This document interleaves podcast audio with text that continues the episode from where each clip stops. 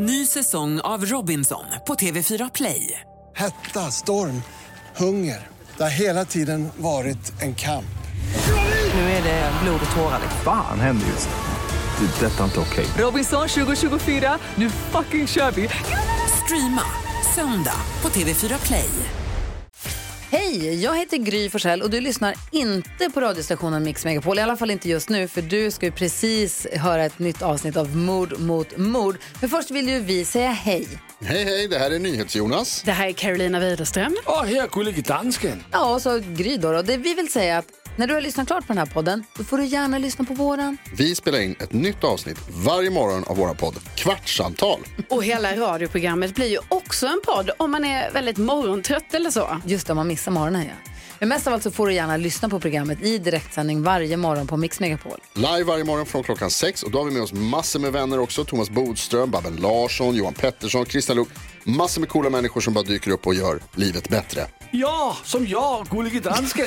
Exakt så. Och så mycket bra musik och annat skoj såklart. Så vi hörs när du vaknar på Mix Megapol.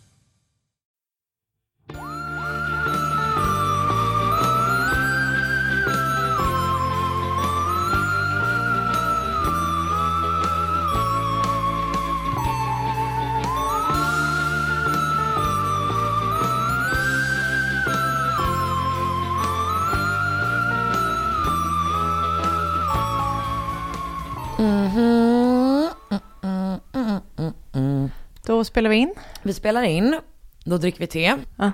Det är bra. Det var varmt vatten. Det var varmt vatten och det ska man unna sig. Jajamän. En tisdag som denna. Anna, min goda vän. Välkommen till Mord mot mord. Väl, tack snälla. Det är en true crime podcast om mord eh, och andra hemskheter med Ja. Karin Londré och Ann. Exakt, det är det vi håller på med här. Mm. Vidriga, sorgliga, hemska historier. Ja, Och ett och annat skratt. Vissa tycker det är lite konstigt. Väldigt få. exakt. Alla tycker det är helt normalt. Berätta hur du mår. Ja, min, nu är det vinter här plötsligt, eh, men min vårdepression fortsätter. Ja. Den lever och frodas. Ehm, jag, men det är ju tråkigt att prata om. Ja, fast det är också okej. Det är också okej. Det var något som jag skulle, jo, en grej som jag var med om i, igår, som jag tänkte på. Två saker som jag var med om igår. Mm. Den första var att jag var med om en sån jävla scare. Mm. Som är liksom, alltså det vi har tränat för. Mhm. det var ju inte så, men det kändes så. Som var så här, jag ligger i min säng. Eh, Marcus gör morgonpasset, går han upp svintidigt och Mm. åker dit. Så jag är liksom ensam hemma. Eh, klockan är kanske så sju. Mm. Så sitter jag så, Det är, bara instigera, det är inte svintidigt. Nej, han går till jobbet okej, okej. Ja, Nej, nej. Ja. Jag går upp rimlig tid. Mm. Halv åtta. men, eh, nej, men han är borta liksom. Det är så här, så han, det är anledningen till att han inte är hemma. Och eh, jag ligger i sängen och då ser jag, alltså, eh, plötsligt så ser jag hur det tänds i hallen. Mhm. Och det är liksom helt tyst. Mm. Och så är det bara, så jag bara okej men det måste ju vara, du vet att det är något knas med lampan, att typ kanske Marcus hade tänt den, den hade slocknat, du vet att det var något så weird med elen, det är inte det att jag varit innan. Nej. Men du vet man börjar tänka, man bara men det kan ju inte vara att det är någon som är här nu, Nej. som har gått in, men också för att det är, om det är det, så är det så uppenbart en person som smyger. Mm. Vilket ju är, alltså du vet jag är, Läskigt som fan. alltså jag är knäpptyst, sätter mig upp mm. långsamt i sängen och bara kollar mig efter mitt försvarsspray. Jag går ju väldigt snabbt på det här att man är så här, Mm. vad är ett vapen? Har jag något vapen här? Mm. Vad kan jag göra av det? Hur snabbt kan jag få upp, du vet så här, ja men du vet att man liksom börjar, man går in i det här liksom modet och börjar Mm. tänka på alla olika, de här hemska, hemska historierna man läser hela tiden. Och det hinner liksom knaka lite grann där ute och jag är, alltså jag är så på spänn. Mm. Nej, sen var det ju bara att Markus hade med sett fel på sitt schema och var tillbaka. Okej, Men det var ändå att det var liksom, jag hade så 10 sekunder jag när, fattar. när jag kände det är det här vi har tränat på. Jag har en annan strategi när jag blir rädd, Okej. än att göra det så här långsamt och tyst, är att jag, kast, jag hade kastat mig fram för att kolla för att överraska personen som var i hallen. Så att Det den personen hade blivit rädd.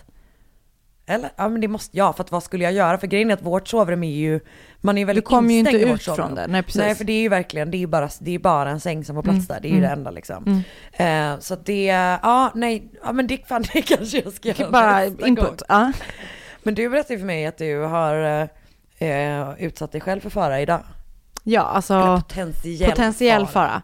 Jag var ute på Arlanda idag, där delar av eh, min arbetsplats befinner sig. Dina kollegor ja. Exakt, så att, eh, jag var ute och, och eh, hälsade på på de som jobbar på tekniska avdelningen, Ja. som är en hangar ute på Arlanda. Och det är ju, idag är det den 9 april och ni som har varit i Stockholm idag och kanske på andra platser i landet har samma väder, så har det varit snålblåst, snö och typ två grader. Så vi var på väg att börja gråta. Det varit så vidrigt Ja, väder. ja.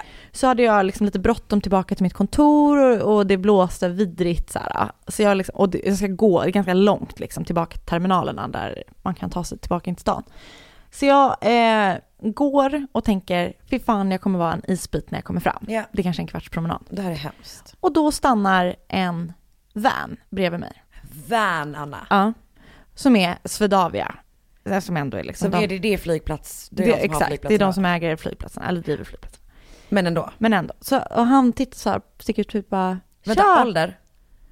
45 kanske? Ja. Vill du ha skjuts?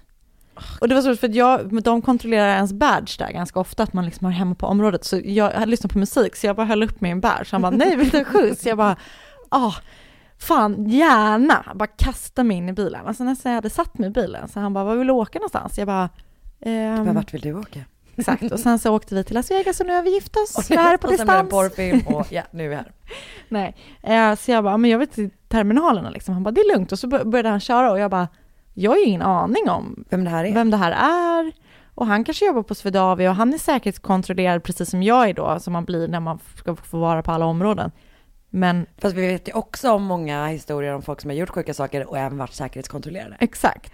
Så helt plötsligt tänker jag så här, fan vad sjukt. Nu dör jag. Och så tänkte jag också, så sa jag till honom flera gånger, jag bara, ah, du räddar min dag. Och han bara, "Ja, jag tänkte att man liksom inte ska behöva gå och frysa så här liksom, en sån här dag. Att du såg ut som du frös. Och så tänkte jag så här, fan vad sjukt om han är så här snäll. Och sen så är han inte så här snäll. Men han var så snäll. Och Han han, var bara, han bara släppte in mig så jag kom liksom till Sky City dit jag ville Men hade du någon, alltså började du tänka hur du skulle liksom, göra. för det var inte det att du, du försökte köra samma teknik, te- taktik som du tycker att jag borde gjort? Nej men jag Köra kände mig inte rädd. Så att, eh, Nej, det är eh, bara att du tänkte, du fick en sån. att jag bara, vad fan, det här är ju typ det som man absolut aldrig ska göra, sätta Ja. sig i en främlingsbil. Ja.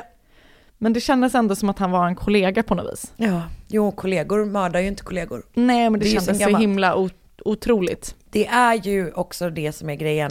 Det är ju väldigt otroligt att det ska Men det så hade varit perfekt brottsplats för honom och så hade han åkt ut på platt, för vi körde liksom på airside som liksom är på plattan på Arlanda. Coolt. Så det hade varit perfekt för honom att mörda mig i vanen och sen Lägger i- droppa mig i cargo-utrymme på något plan som typ ska till eh, eh, Ab- Abu Dhabi. Typ. Gud det här är en deckare vi måste skriva. Ja. Och nej nu har vi redan avslöjat vad som händer. Ah, ja, men ni vet inte vad som händer när jag kommer fram till Abu Dhabi, för jag är inte död!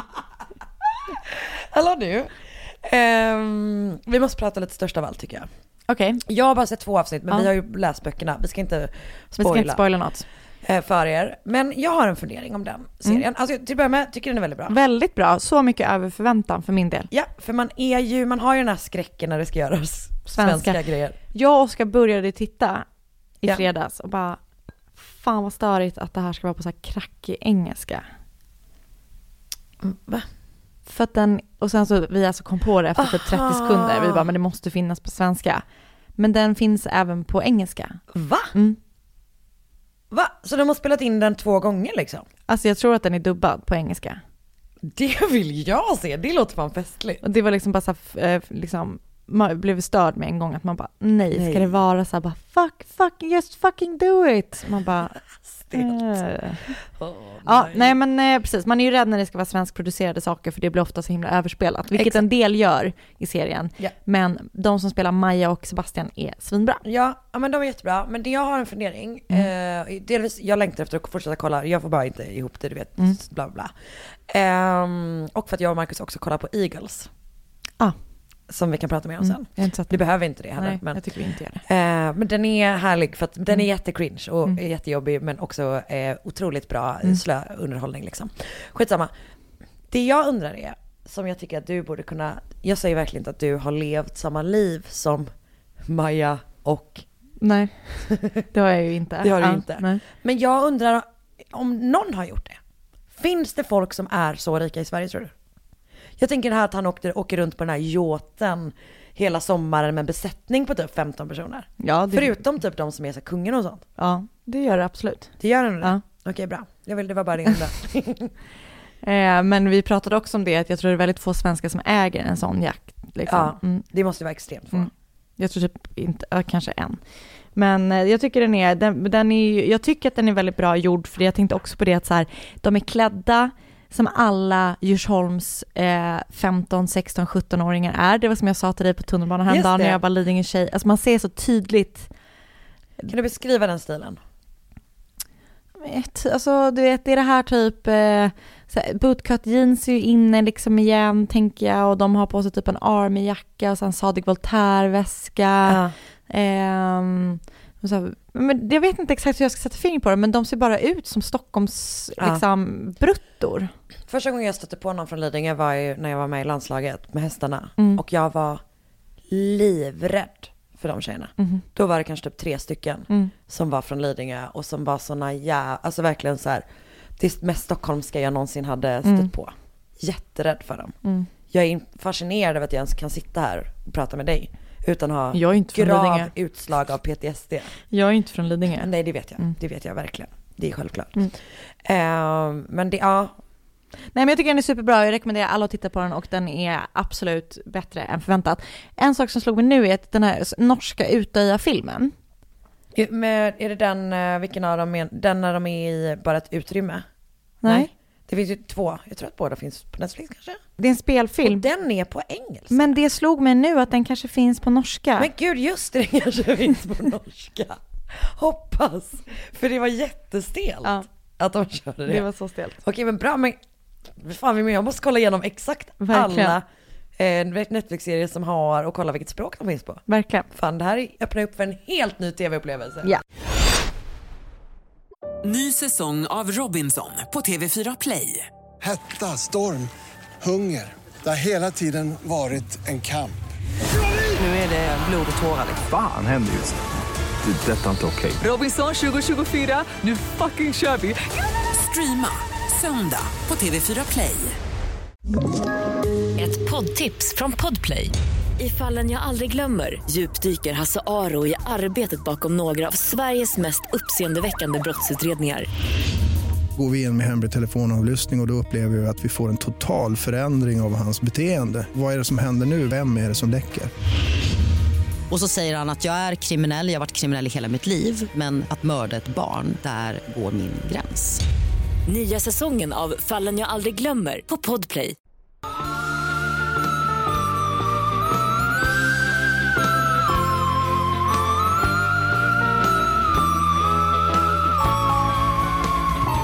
Jag har eh, gjort ett fall där jag fått typ all information från en och samma artikel. Mhm. Alltså, och när jag säger typ all, så menar jag all. Mm. Ehm, det är en Washington Post-artikel fast sen finns det postat på flera olika ställen. Mm. Journalisten som har skrivit den heter Avi Selk. Så jag har sagt det. Mm. Ja. Så att inte Avi kommer och stämmer mig sen. Okej, så Alan J. Abrahamson föddes i West Hartford i Connecticut 1947. Och han var son till Miriam och David Abrahamson. Han har två systrar. Han gick på Kingswood School eh, innan, eh, som liten, innan han började på Syracuse University där han tog en master i business management. Eh, sen, senare så startade han ett företag som säljer, jag tror att de säljer byggmaterial, Mhm. eh, som han liksom, eh, äger och driver. Och så träffar han då sin kommande fru, Linda Gample.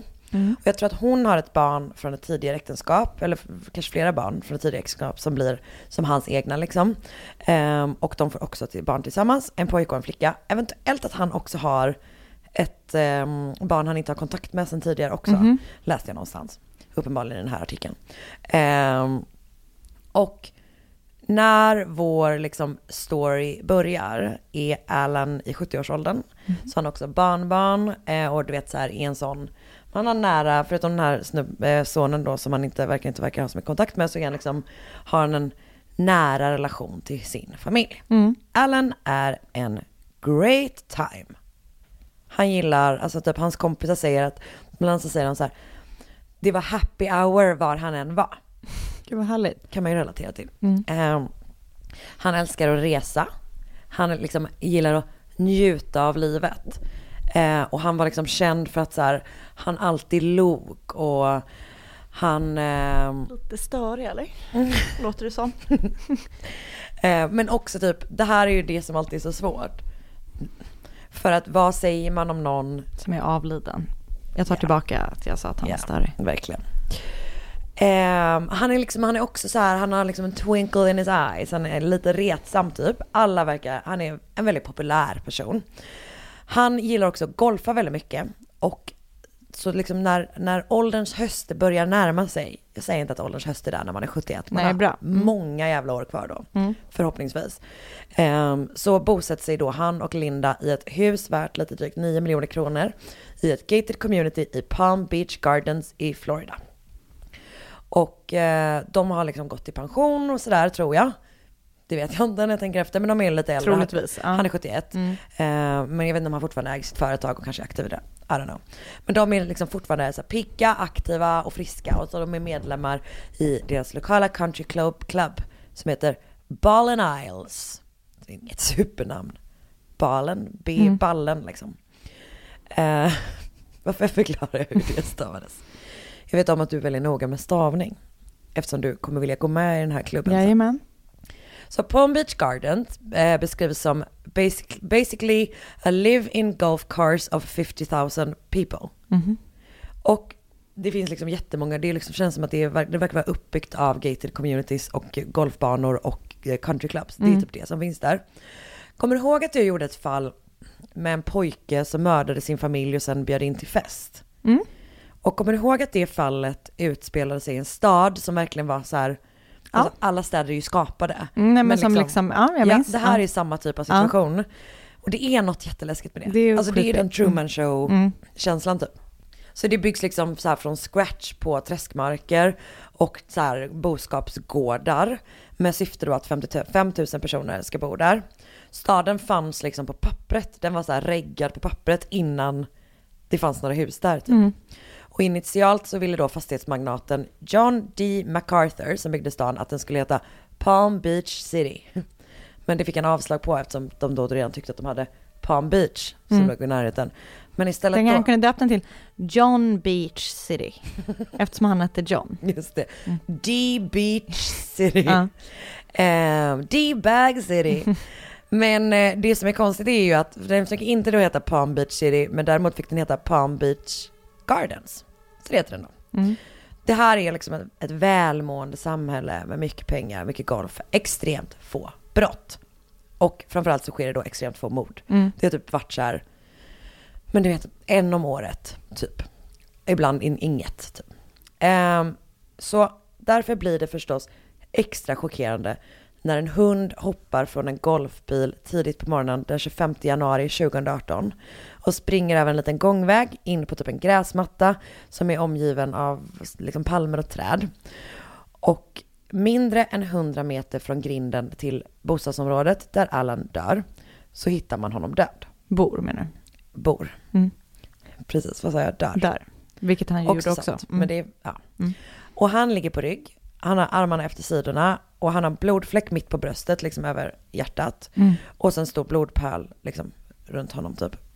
Eh, och klockan är då strax efter sju på morgonen. Polisen kommer dit och hittar väldigt få ledtrådar. Man hittar inget vapen, man hittar inga hylsor.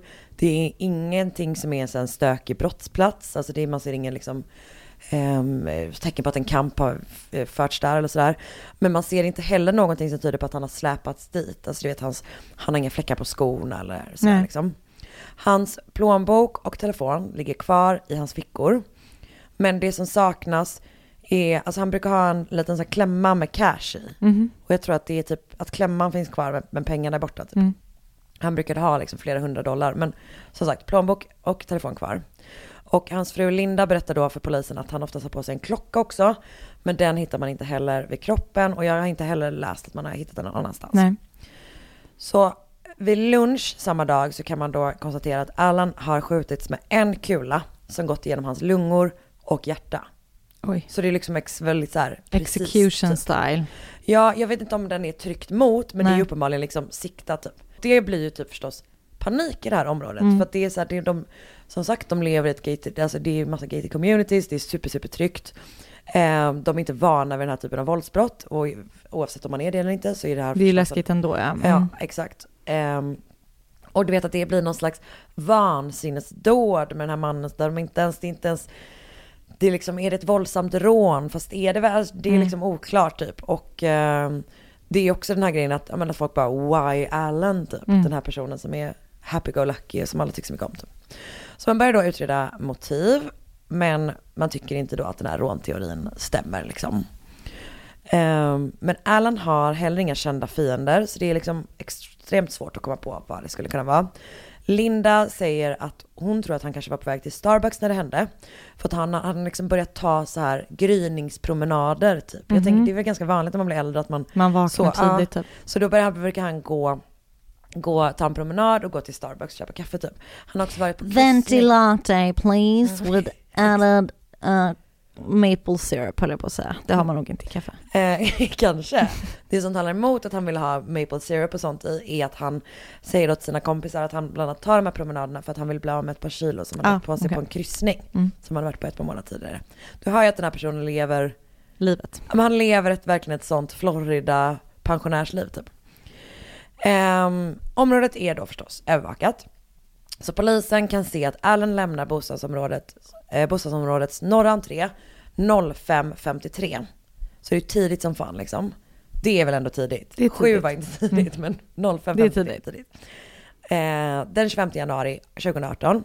Han har då en, på sig en långärmad tröja, en keps och shorts. Och ser ut som att han bär på någonting, men man kan inte se vad. Och exakt 37 minuter senare så hörs ett skott på Mm. övervakningsfilmen. Jag har inte hö- hört att grannar hörde det här skottet. Nej. Man kan höra det på filmen liksom. Men fältet där Alan då hittas eh, är utanför området och är inte övervakat. Så det finns liksom, Nej. det finns ingenting som, men man ser honom gå och sen hör man skottet. Åtta dagar efter att Alan hittats död så erbjuder polisen 3000 dollar till den som delar med sig av värdefull information. Det leder till absolut ingenting. Alltså det kommer inte ett enda tips. Nej. Vilket ju är helt sjukt för att går man ut med en sån lösensumma så kommer det åtminstone dåliga tips. Mm. Men i det här Absolut. fallet så kommer det ingen ingenting. Eh, och efter ett tag så började vet, hans kompisar lägga till mer pengar för att det liksom ska få mer uppmärksamhet och fler ska ha incitament och, och, och berätta vad, vad de vet. Men det är fortfarande helt jävla tyst. Det är ett totalt mysterium vad som kan ha hänt den här mannen Mm. liksom. Och polisen gör ett svinbra jobb med det här fallet. Alltså de verkligen kör på alla spår, vilket Mm. också är så jävla imponerande för att de har så himla få mord i det här området liksom. Mm. Men de, eh, de, jag tänker i och för sig att det kanske är en ganska väl eh, funded polisstation eftersom Mm. det ändå är den typen av område, de har några resurser. Hur som helst, de pratar med familj och vänner, de pratar med folk som pendlar i det här, eller liksom rör sig i det här området vid de här tiderna, de knackar dörr hos grannar, de hör sig för på härbergen och kollar av typ mot andra brott som skulle ha skett i det här området samtidigt. De har vid flera tillfällen letat igenom det här området, hittar ingenting, du vet, de rotar i containrar, de går igenom allting, hittar ingenting, de har ju fortfarande inget mordvapen. De gör som sagt ett superbra jobb, men det är tvärstopp. Tills de får tag på Alans telefon. För att Linda Abramson har då hjälpt dem att låsa upp Mm. den liksom. Och där kommer de hitta viktiga ledtrådar. För att på juldagen 2017 så har Alan beställt en grej från en butik som säljer science supplies. Och han har då fått ett mail från den butiken. Och där står det att han har lagt 55 dollar på en väderballong. Och när man kollar hans GPS-historik så kan man se att han mellan sina morgonpromenader till, alltså man kollar GPSen Mm. på mobilen då. Mellan sina morgonpromenader till Starbucks och hans andra ärenden så har han åkt till en annan affär. Och om man åker dit och får tag på hans kvitto, då får man reda på att han har köpt en 40 kubik stor heliumtank. Och de här inköpen matchar liksom inte alls med någon hobby som vänner eller familj känner till. Så här, han är inte så, verkar inte vara så intresserad av väderballonger. Vad Nej. man nu, ja, förhåll, väderförhållande kanske. Nej. Ehm, så man börjar också fundera på då vad som kan ha hänt under de här 37 minuterna, det är ändå ganska lång tid, mellan att Allen lämnar området och att det här skottet går av. Och polisen går den här sträckan, liksom man kollar, det tar ungefär fyra minuter om man Mm. går i lugn takt. De donar vidare helt enkelt. Ehm, tänker på varenda jävla spår. Mm. Och till slut kommer en person med den här teorin. Är det möjligt att det här inte är ett mord? Utan det är ett självmord. Mhm. Där Alan J. Abramson knutit fast ett vapen på en väderballong, skjutit av pistolen, därmed släppt taget om vapnet och sen har vapnet flugit iväg med ballongen. Och polisen kan då se att det här, det har hänt, det här, alltså den här grejen har hänt en gång innan. Mhm. När en man satte silvertejp över sin mun i en öken i- New Mexico och var liksom skjuten. Mhm. Men när man undersökte området så hittade man då en, en pistol fastknuten vid ballonger för att det blåste så mycket den dagen. Så att eh, ballongen hade istället för att flyga iväg Ja, flyga, ja. åkt, åkt in i en kaktus. Det har också hänt i ett CSI Las Vegas-avsnitt från 2003. Sjukt. Och polisen kommer då fram till att även om den här teorin är långsökt så är den inte omöjlig. Mm. Så man åker tillbaka till brottsplatsen och börjar liksom genomsöka den utifrån den här teorin istället. Liksom. Och drygt 30 meter från platsen där, där man hittat kroppen så hittar man eh, gummiband och man hittar en liten bit snöre. Och man hittar samma sorts gummiband och samma sorts snöre på Allans eh, hemmakontor. Mhm. Och när man kollar på skjorta eller på tröjan han har på sig så noterar man att det går som ett litet, litet tunt blodspår från såret mitt på bröstet upp mot ena axeln. Mhm. Som att någonting har liksom dragits i Ah, ja, blodet ja. upp mot axeln. Till exempel ett snöre. Två veckor efter Allans död så går man då ut och frågar allmänheten men också typ så här folk som jobbar på flygplatsen och även men folk som övervakar vädret och whatever typ. Om de, någon har sett en väderballong flyga över Palm Beach Gardens den 25 januari. Det ger inget resultat. Men eh, bilden klarnar när man går igenom Allans sökhistorik. Och det här är så jävla jävla sorgligt. Mm. För han har alltså under jättemånga års tid gjort sökningar som rör självmord. Usch. Nio år tidigare så kan man första gången se att han har sökt på den typen av saker liksom. Mm. Och han har sökt på vad som händer om man typ skjuts i hjärtat, vad- kontra om man skjuts i huvudet. Alltså du vet jättemånga sådana saker.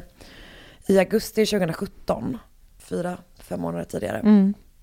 söker han första gången på hur stor mängd helium som krävs för att man ska kunna lyfta ett pound.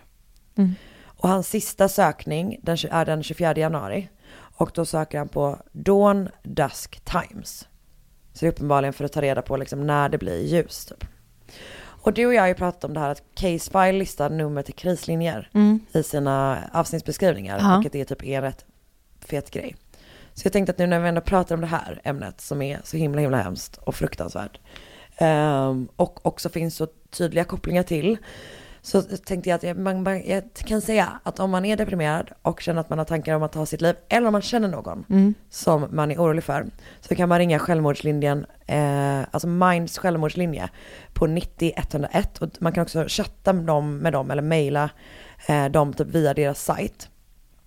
Eh, och om man, det finns också en, en li- linje som heter Hjälplinjen som Mm. är mer så här, du kan få psykologiskt stöd liksom. Eh, typ en initial kontakt med, med, med den typen av hjälp.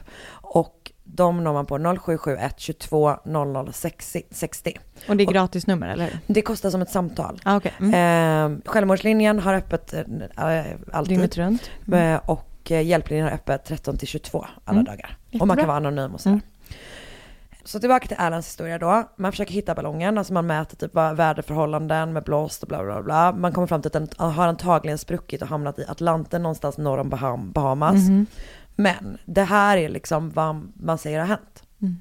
Han har knutit fast en, en, ett vapen vid en ballong. Och man berättar då att för, eh, i början av mars så tar polisen kontakt med hans fru och barn och berättar att så här, det här var inget mord. Det var ett självmord.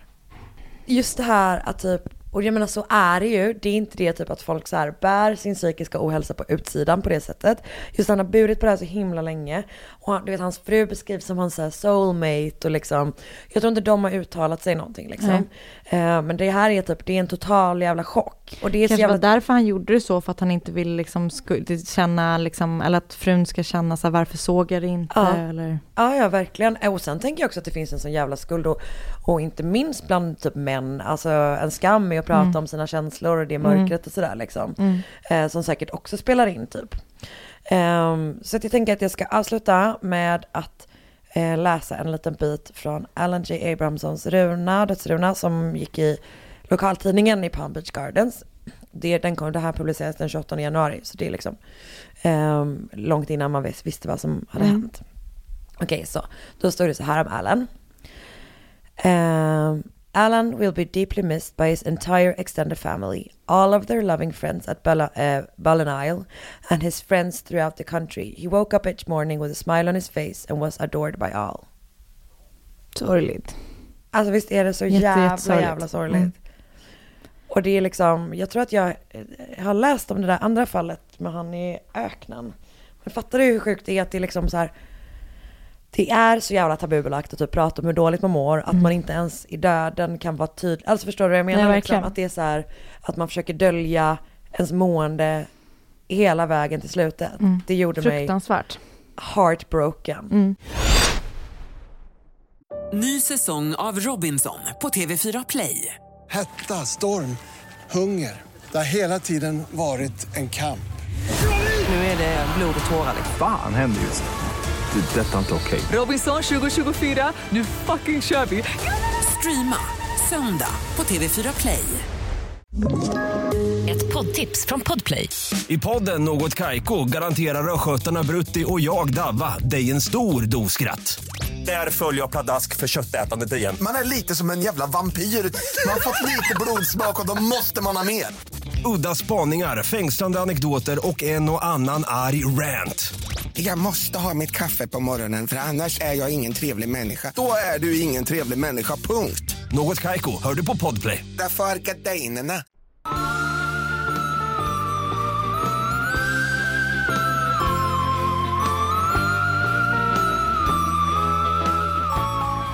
Vi befinner oss i Grekland. Hemmet för moussaka, tzatziki och souvlaki. Vi bestämmer... Vi Jag blir hungrig nu. Ja, Fy fan vad gott med souvlaki eller? så gott. Mm. Eller en god gyros.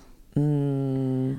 Eh, vi befinner oss mer bestämt i Aten, som är eh, staden som är hem för Akropolis, Parthenon och det olympiska Zeus-templet, bland Snälla. många andra saker. Alltså du hade varit en otrolig reseledare. Tack. Eh, det kanske vi ska börja anordna resor med oss. Verkligen. Eh, men Aten är också hemmet för en man vid namn Antonis Dagolis. Okej. Och han föddes 1974 i Aten. Och det finns väldigt lite information om hans barndom och hans uppväxt, men det man vet eh, är att han redan från tidig ålder liksom hamnade i problem med polisen. Han var en så kallad eh, repeat, repeated juvenile offender. Oj, det är inte bra. Från det att han var redan 14 år gammal så liksom dömdes han för diverse saker. Är det typ, vi pratar typ rån och... Ska jag berätta? Ja, Vad vi- ah, ah, ah, förlåt. Tror- kan du berätta Stay mer om Akropolis? Eh, För 1988 när han då var 14 år gammal Ja.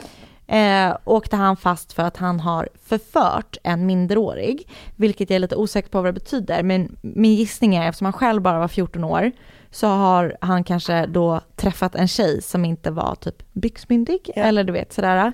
Ehm, Of det är ett ord som jag hatar, men... så Det är att de- verkligen ett sjukt ord. Exakt. Ja. Men vi vet Eh, också om att det är inte du som har hittat på det. Tack. Men jag tänker att det då, eh, det här förföra en minderårig kanske är att de har haft sexuellt, eh, en sexuell relation eller så haft sex någon gång utan att hon kanske egentligen ville det, Mm. tänker jag. Ja, eller så bara att, hon inte så här- är, är i den, för det är ju likadant i, i Sverige. Vad är det, du kan väl typ inte samtycka om du är under 15? Nej, exakt. Så det måste vara Inte den om den personen Är över. är över Ja, tror jag. exakt, tror också det. Men, så jag gissar att det är någon sån grej. Men, eh, och jag vet inte om han liksom dömdes för det, men det hamnades i alla fall på hans record på något vis. Liksom.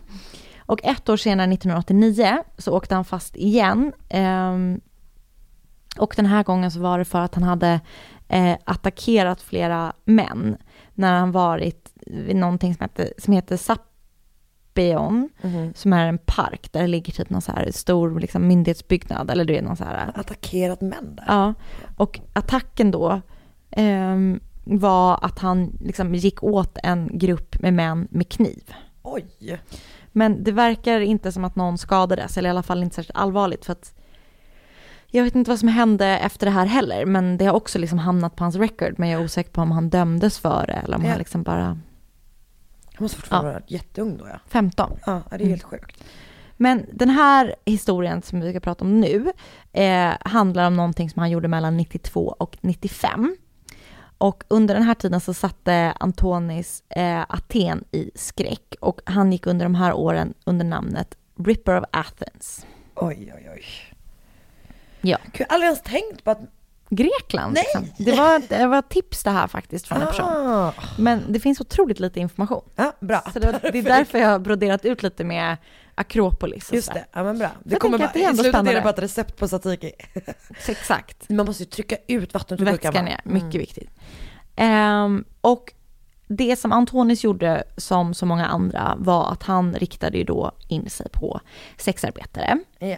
Och dels för det faktum som vi återkommer till, liksom att det inte eh, kvinnor som saknas oftast, eller liksom man tänker inte på att de är borta förrän kanske för långt efter. Eh, men också för att han eh, kände liksom ren avsky gentemot dem, vilket är ju så himla rimligt verkligen. Mm, verkligen. Men han åkte då fast eh, 95, eh, tror jag det var, när han hade låtit en kvinna, en engelsk kvinna vid namn Ann Hamson, eh, hon hade fått gå. För att han hade rövat bort Ann i tron om att hon var sexarbetare. Och vilket hon inte var, eller så var hon det. Men hon lyckades i alla fall övertala honom om att, han, att hon inte var det. Så liksom att hon bara var, liksom inom stora sådana här air quotes. air quotes, en vanlig kvinna. Ja, det så, för de där Mm. gör en rasande när de verkligen är så jävla öppna med att de bara, nej nej det är de kvinnorna jag hatar allra Ja, mest. Exakt. Fy fan. Så han släpper henne liksom. Och eh, eh, vet inte om han typ våldtar henne eller någonting först. Men han, han släpper i alla fall henne. Och eh, han låter henne gå fri. Vilket då ska leda till att han grips. För att det första hon gör när hon har blivit släppt är ju att hon rusar till polisen. Bra. Och berättar vad som har hänt och ger liksom, eh, identif- liksom vad säger man, ger, berättar hur han ser ut och vad han typ kör för bil och whatever. Så att de griper honom. Ja. Då misstänks han bara för att ha liksom eh, kidnappat henne typ. Det är liksom Ja. det som är, ja. Mm. Men då visar det sig att eh, Antonis har ju då inte bara rövat, och, rövat bort och släppt Ann, utan han är också skyldig till att begått tre stycken sexmord. Eh, och han misstänktes också för att ha begått tre ytterligare mord, och eh, mord eller våldtäkter, det Mm. framgår inte. Eh, och även sex stycken mordförsök. Åh jävlar! Mm. Det här måste vara, ja 1996 är det nog, för att här har jag skrivit 96. 95 eller 96. Så på typ tre år så Mm. är det vadå typ så här 18 attacker eller någonting? Ja man vet Eh, inte om det är samtidigt. 12 är det. Ah, Ja. Okej. Mm. Ja just det, Ehm, förlåt. Eh, men precis. Och han arbetade då som lastbilschaufför. Och, eh, så han körde liksom runt från olika platser på olika tider av dygnet. Och jag antar att det är så han hittade sina offer när han var ute och körde. Och två av Antonis, det är bara två offer som är namngivna. Och det första offret var Eleni, det här är ett helt sjukt grekiskt namn, Panagitopoulou. Pan, det var inte så sjukt. Panagiotopoulou. Mm. Som var 29 år gammal, eh, sexarbetare. Och Atina Lazarou som var 26 år gammal, också hon sexarbetare. Och eh, Antonis erkände att han hade då träffat Eleni och liksom plockat upp henne på en downtown street som heter, heter Solonis, ett område som heter Kolonaki. Mhm. Som är så här, idag i alla fall, ett trendigt shoppingområde. Det kanske då var liksom lite mera Jag har kanske gentrifierats nu. Ja, exakt. Mm. Skulle tro det. Och efter att han då hade plockat upp henne så körde han till en parkeringsplats där Antonis och hon då s- liksom hade sex med varandra. Och eh, Antonis eh, bestämmer sig då för att strypa henne med sina bara händer under tiden som de har sex. Nej. Nej. Så jävla Jag läskigt. säger nej. Mm.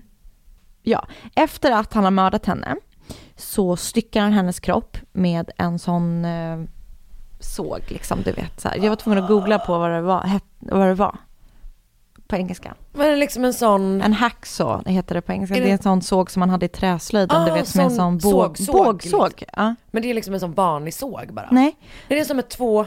nej. Gud jag måste sluta gissa på sågar. Tyst, tyst, tyst! Heter det säger? Det är en sån här, du vet, som går så här. En stålkant och så är det ett tunt sågblad. Just det, just det. Så han styckar Åh henne. nej, nu kom jag på vad du sa att han gjorde, gjorde med den sågen. Ja. Jätteläskigt. Och eh, så stoppar han hennes då, olika kroppsdelar i plastpåsar som han sen dumpar liksom runt om i staden i olika papperskorgar. Men gud. Mm. Och det har man inte hittat?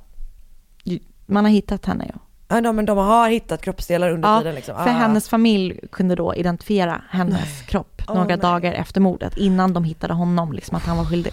Älskling. Så hemskt. Att Tina då som var hans andra offer tror jag han träffade på samma sätt, det är lite oklart, som han träffade Eleni. Alltså att han liksom plockade upp henne och de gjorde någon överenskommelse. Eh, och när de hade sex eh, så ströp, han ströp henne liksom även under när de hade sex, fast med ett rep. Efter att hon tydligen då ska ha hånat honom under tiden de hade sex. Absolut. Mm. Det gjorde hon verkligen. Åh Mm. gud, dra åt helvete.